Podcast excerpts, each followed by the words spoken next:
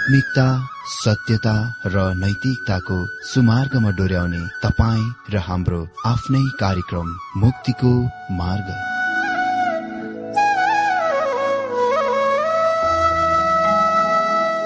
आदरणीय श्रोता यस मुक्तिको मार्ग कार्यक्रममा हार्दिक स्वागत छ। आशा छ यस आत्मिक कार्यक्रमद्वारा जीवनमा आत्मिक आशिष अलौकिक शान्ति र आनन्द प्राप्त गर्नुहुनेछ। र जीवनमा धन्य अनुभव गर्नुहुनेछ। आउनुहोस् श्रोता। मन र आत्माको तयारीको लागि यो मिठो अनि मधुर भजन गीत सुनौ।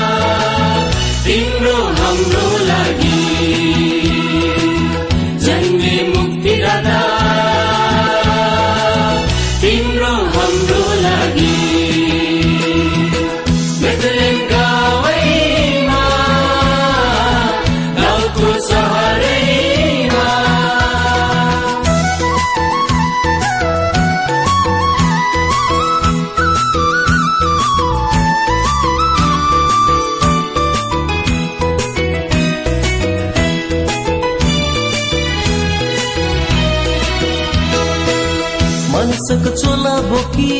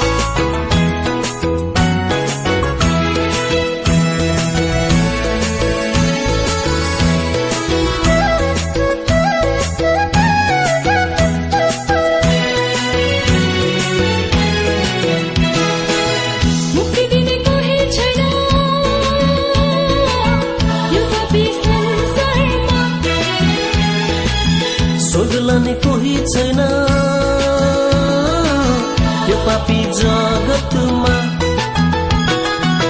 मुक्ति दिने कोही छैन। यो पापी संसारमा। स्वर्ग लाने कोही छैन। यो पापी जगतमा। यसो जन्मे धरतीमा। स्वर्ग लान तिमी हामीलाई।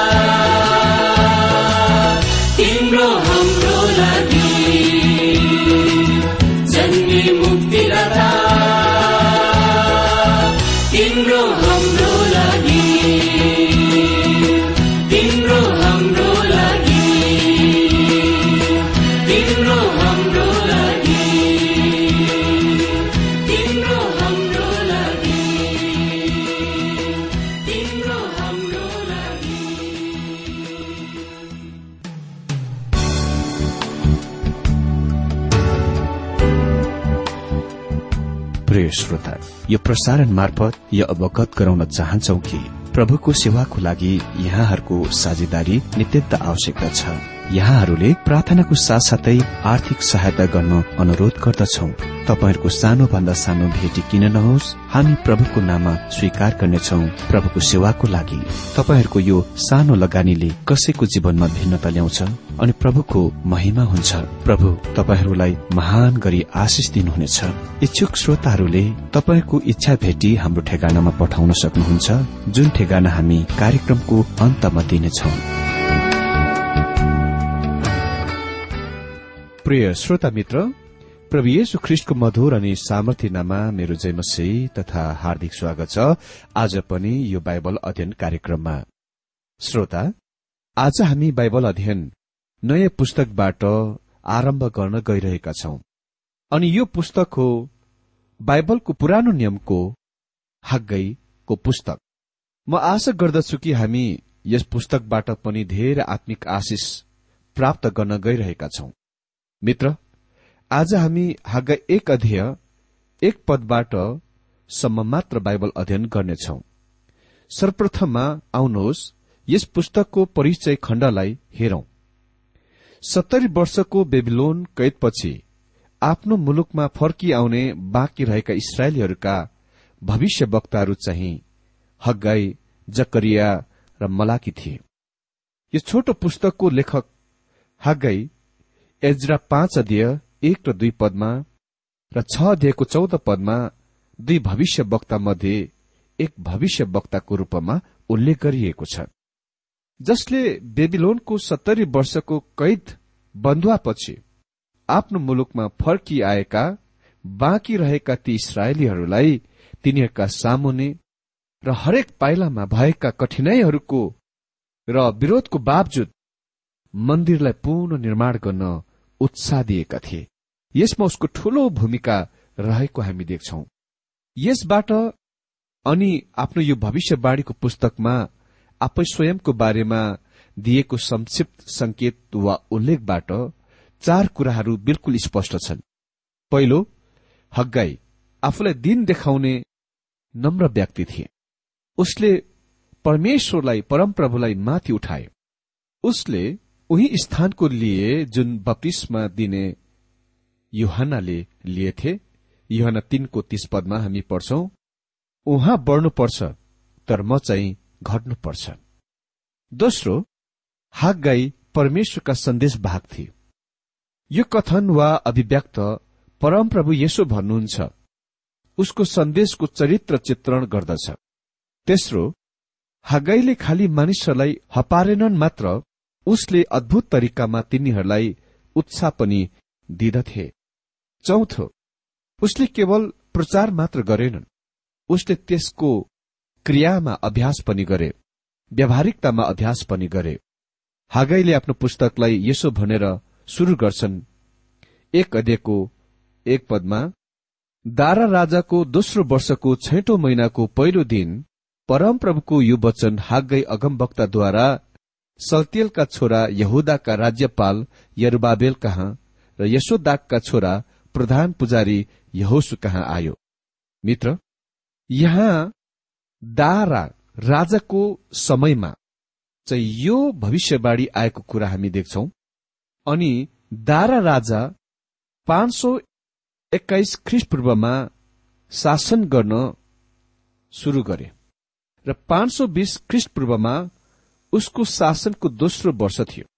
दाराको दोस्रो वर्ष यो कथनले इतिहासकारलाई भ्रष्ट इतिहासमा यो भविष्य वक्ताको समयको ठिकसँग तोक्न निर्धारण गर्न योग्य बनाउँछ। यो कुराको ध्यान दिन चाखलाग्दो छ कि सत्तरी वर्षको कैद वा बन्दुवा पछिका भविष्य वक्ताहरूले अन्य जाति शासकहरूको शासन अनुसार तिनीहरूका भविष्यवाणीहरूको मिति तोक्न शुरू गरे।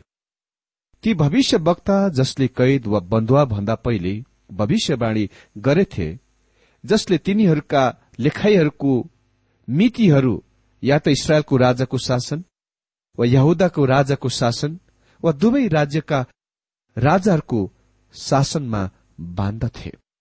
बन्दुवा वा कैदपछि जबकि त्यहाँ उत्तरी राज्य इसरायलमा र दक्षिणी राज्य यहुदामा कुनै राजा नभएकोले गर्दा हागैले आफ्नो भविष्यवाणी अन्य जाति राजाको शासन अनुसार मिति दिन्छन्। प्रभु येशुले भन्नुभयो लुका एक्काइस दिएको चौबिस पदमा अनि अन्य जातिहरूको समयहरू पूरा नहुन्जेल यरुसलेम चाहिँ अन्य जातिहरूद्वारा कुल्ची मिल्ची गरिनेछ। हगाईको दिनमा अन्य जातिहरूको समयहरू पहिले नै आरम्भ भइसकेको थियो। यो नबुकनेश्वरको नेतृत्व मुनि यहुदाको बन्धुवा कैदसँग आरम्भ भएथ्यो। जबकि त्यस समयमा यरुसलेम अन्य जाति अधिपत्य मुनि भएकोले गर्दा हगैले आफ्नो भविष्यवाणीको त्यही अनुसार मिति दिन्छन् वा तोक्दछन्। हगाईको विषय हो मन्दिर। मन्दिरको पुननिर्माण र पुनः नवीकरण नै यो भविष्यवक्ताको सर्वोच्च अत्यन्त चाह थियो।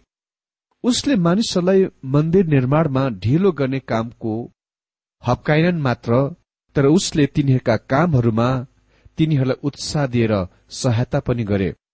हगाईले निरन्तर सर्वोच्च अधिकारको रूपमा परमप्रभुको वचनको संकेत वा उल्लेख गरे। उसले स्वैच्छिक रूपमा आफैलाई नम्र बनाए कि परमप्रभु नै माथि उचालियोस्। उसको सन्देश व्यावहारिक थियो। उसको सन्देश अति नै सरल थियो। हगाईको भविष्यवाणी र याकुबको पत्रसँग धेरै कुरा मिल्दोजुल्दो आम कुरा छ। दुवैले दैनिक मेहनत परिश्रममाथि जोड़ दिन्छन्। क्रिया आत्मिक हो। केही पनि काम नगर यस्तो मनोवृत्ति दुष्ट हो। दुवैले यो नाप्ने फितालाई जीवनमाथि राख्दछन्। काम जीवनको नाप हो। हगाईको समकालिक साथी जकरिया दर्शी थिए र आफ्नो मन दिमाग शिर बादलहरूमा थियो तर धृष्ट हगाईको दुवै खुट्टा जमिनमा थियो। क्रियाका व्यवहारका मानिस र स्वप्नदर्शी एक साथमा सँगै सँगै हिँड्नु पर्दछ।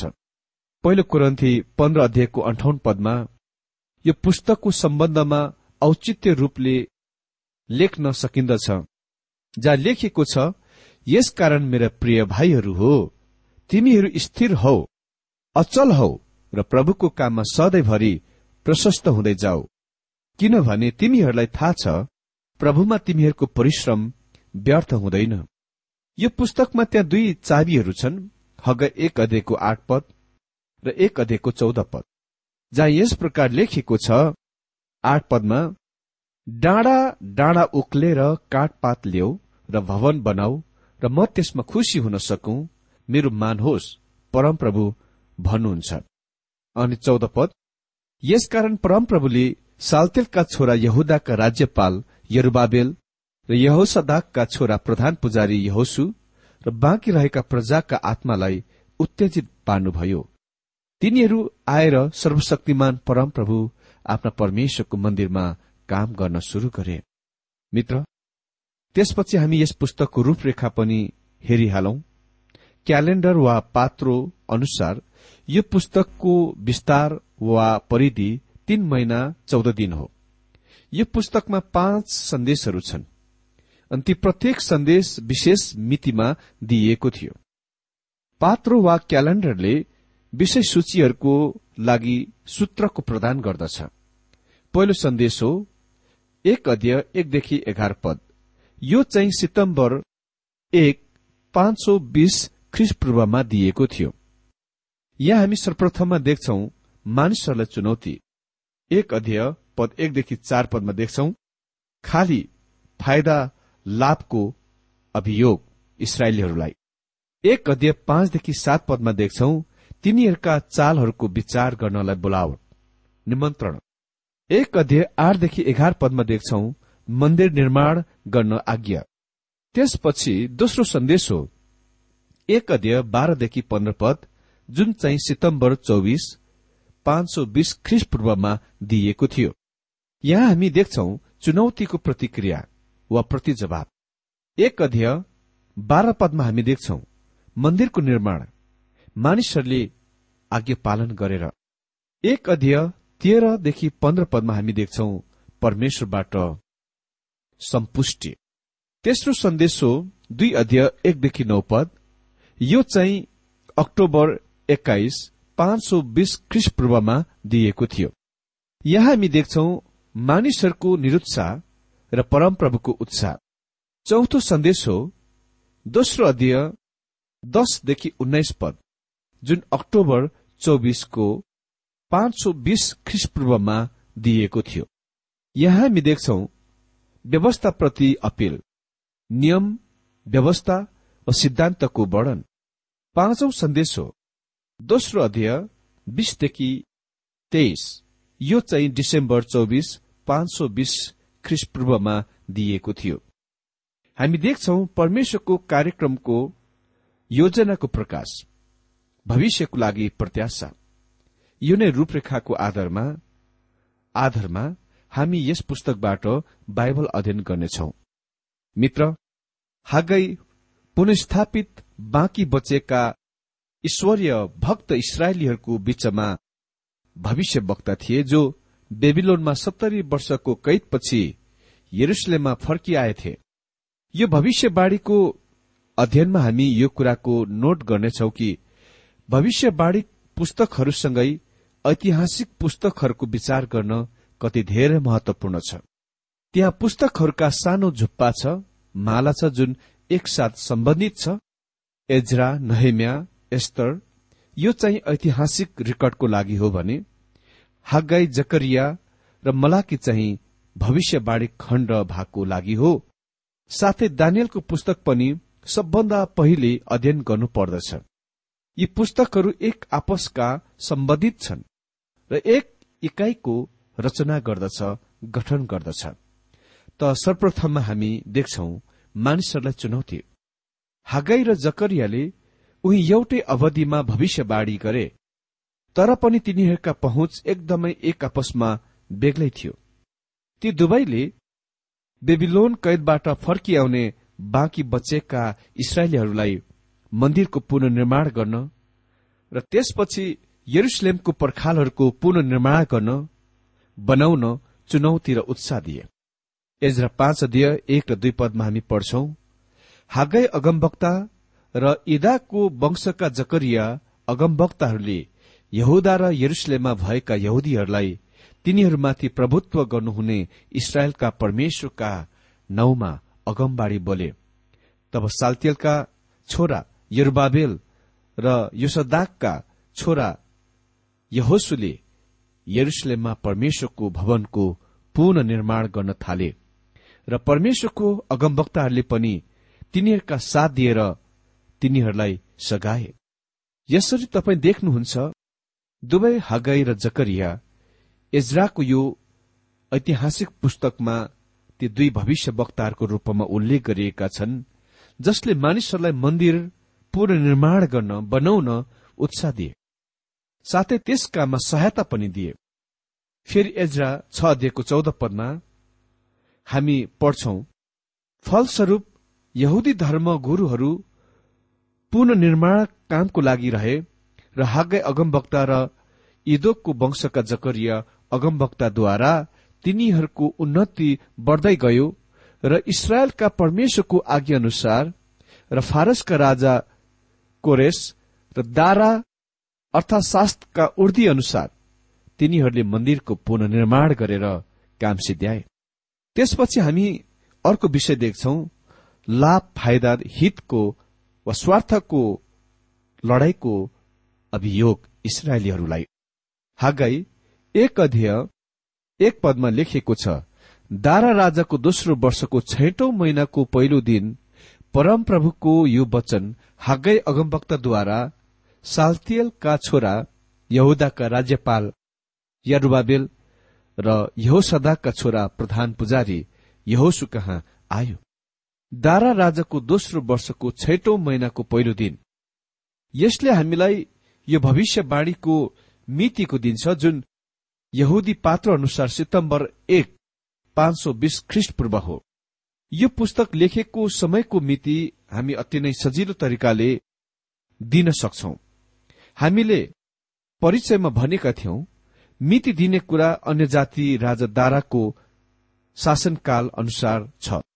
मिति दिने काम अब कति पनि यहुदाको वा इसरायलका राजा अनुसार दिँदैन। किनभने हागै अन्य जातिहरूको समयहरू अवधिमा लेखिरहेका छन्। जुन बेबिलोनी कैद वा बन्धुवासँग आरम्भ भयो र निरन्तर यो वर्तमान दिनसम्म यो जारी रहेको छ निरन्तर जारी रहेको छ। प्रभु येशुले भन्नुभयो लुका एक्काइस अध्ययको चौबिस पदमा अनि तिनीहरू तरवारको धारले ढालिनेछन् अनि सबै जातिहरू कहाँ कैदी बनाएर लगिनेछन् अनि अन्य जातिहरूको समयहरू पूरा नहुन्जेल यरुसलेम चाहिँ अन्य जातिहरूद्वारा कुल्ची मिल्ची गरिनेछ। परमप्रभुको यो वचन हागै अगम वक्ताद्वारा परमप्रभुको यो वचन हागै अगम वक्ताद्वारा आयो। हामी यो सानो पुस्तक हागैभरि पत्ता लगाउँछौ हागैले पटक पटक परमेश्वरको वचन शब्द दोहोऱ्याउँछन्। उसले यो स्पष्ट पारिरहेका छन् उसले आफ्नो विचारहरू बोलिरहेका छैनन् तर आफ्ना जातिहरूलाई इसरायलीहरूलाई परमेश्वरको वचन दिइरहेका छन्। हजुर परमप्रभुको यो वचन हागै भविष्य वक्ताद्वारा दुई व्यक्ति कहाँ आयो पहिलो व्यक्ति चाहिँ साल्तियलका छोरा यरुबाबेल यहुदाका राज्यपाल अनि दोस्रो चाहिँ यहुसादाका छोरा प्रधान पुजारी यहोसु कहाँ आयो मित्र यरुबाबेलको अर्थ हो बाबेलमा छरिएको मतलब उनी बाबेलमा जन्मेथे यो वास्तवमा अन्य जाति नाम हो उनी दाउदको वंश वा लाइनमा थिए। उनी पहिलो इतिहास तीन अध्यय सोह्रदेखि उन्नाइस पद अनुसार यौ आकिनका नाति थिए र यहुदाको राज्यपाल हुनलाई कोरसद्वारा नियुक्त गरिएका थिए। यहोसु चाहिँ यहोसदाकका छोरा थिए जो पहिलो इतिहास छ अध्ययको पन्ध्र पद अनुसार बेबिलोन आक्रमणको समयमा प्रधान पुजारी थिए। अनि उसको छोरा यहोसु पनि प्रधान पुजारी थिए। यो मानिस धार्मिक अगुवा प्रमुख थिए। यसरी तपाईँ देख्नुहुन्छ परमेश्वरले आफ्ना सन्देश सर्वप्रथममा अगुवाहरूलाई धार्मिक र नागरिक शासकहरूलाई पठाइरहनु भएको छ। जब इसरायलीहरू बाबेलको कैदबाट आफ्नो मुलुकमा फर्किआए तिनीहरू अति नै ठूलो प्रत्याशासँग आशासँग आएथे र मन्दिर र यरुसलेमको पर्खालको पुननिर्माणको लागि तिनीहरूको जोश उत्साह अति नै ठूलो थियो। तर तिनीहरूले त्यस काममा अति नै ठूला विरोधहरू बाधाहरू विघ्नहरू भेटाए सामना गरे जुन वास्तवमा अति नै कठिन प्रयत्न र कठिनाईहरूको माग गर्दथ्यो। तिनीहरू त्यस प्रकारका अवधिमा र परिस्थितिमा भएर गएपछि तिनीहरू निरुत्साहित भए जब तिनीहरूले मन्दिर निर्माण गर्न आरम्भ गरेथे। कठिनाईहरू दबाउन नसकिने वा जित्न नसकिने कुरा जस्तो देखिन्थ्यो। त्यसकारण तिनीहरूले तर्क वा युक्तिसंगत बनाए र निर्णय गरे यो निर्माण गर्ने समय थिएन भनेर। तिनीहरूले भने यो अति नै कठिनको कुरा छ र निश्चय नै हामीले यसको गर्नलाई अहिले परमेश्वर इच्छा गर्नुहुन्न इरादा गर्नुहुन्न। तिनीहरूले मन्दिरको जग बसालिसके तर सामर्यहरूको विरोध यति ठूलो र उग्र प्रचण्ड थियो कि तिनीहरूले निर्माण गर्ने कामलाई ठ्याप्पै रोकिदिए। र तिनीहरूको बहाना थियो अ निर्माण गर्ने समय अहिलेसम्म आएको छैन। यो परमेश्वरको इच्छा होइन कि अहिले मन्दिरको निर्माण गर्ने। अ वास्तवमा के परमेश्वरको इच्छा थिएन कि त्यस बेला मन्दिरको निर्माण गर्ने? पक्कै निश्चय नै थियो। तर तिनीहरूले जब कठोर सतावट र विरोध सामना गरे जुन चाँडै नै टल्न हट्न नसकिने विरोध जस्तै देखा पर्यो त्यसकारण तिनीहरूले आफ्नो हिम्मत हारेर यस प्रकारको बहाना बनाएका हुन्। वास्तवमा परमेश्वरको इच्छा थियो कि बिल्कुल त्यसै बेला मन्दिर निर्माण भएको अर्को दिन हामी यसलाई विवरणसहित अध्ययन गर्न गइरहेका छौं। परमेश्वर तपाईँ सबैलाई धेरै धेरै आशिष दिनुभएको होस्।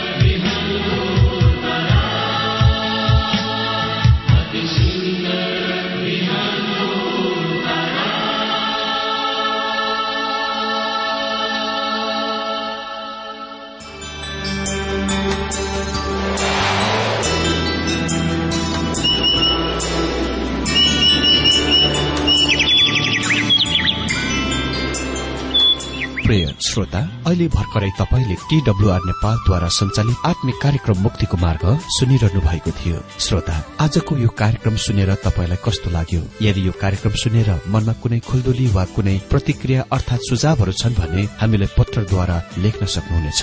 हामी हृदयदेखि नै स्वागत गर्नेछौ स्वीकार गर्नेछौ साथै बाइबल सम्बन्धित प्रचारहरू कार्यक्रम सारणीहरू हामी अनुरोधमा पठाउन सक्छौ। अनि तपाईँसँग कुनै प्रार्थनाको विषय छन् भने हामीले तपाईँको लागि प्रार्थना गरेको चाहनुहुन्छ भने प्रभुमा आफ्नै परिवार सम्झेर हामीलाई पत्रमा लेख्न सक्नुहुनेछ। तपाईँको लागि हामी प्रभु येशुसँग प्रार्थना गर्नेछौ। अधिक जानकारी र पत्रचारको लागि हाम्रो ठेगाना यस प्रकार छ। कार्यक्रम मुक्तिको मार्ग जीपीओ नम्बर उनानब्बे पचहत्तर इपिसी पच्चिस एकसठी काठमाडौँ। ठेगाना एकपल्ट सुन्नुहोला। कार्यक्रम मुक्तिको मार्ग जीपीओ नम्बर उनानब्बे पचहत्तर इपिसी पच्चिस एकसठी काठमाडौँ। हाम्रो इमेल एड्रेस हो TWR Nepal at Yahoo dot com साथै यस नम्बरमा एसएमएस गर्न सक्नुहुनेछ। अन्ठानब्बे चार सत्तरी पैंतिस छ सय उनासी नौ आठ चार सात जिरो तीन पाँच छ सात नौ। हुन्छ श्रोता आजलाई हामी विदा चाहन्छौ। अर्को कार्यक्रममा हामी पुनः भेट्नेछौ तबसम्मलाई नमस्कार।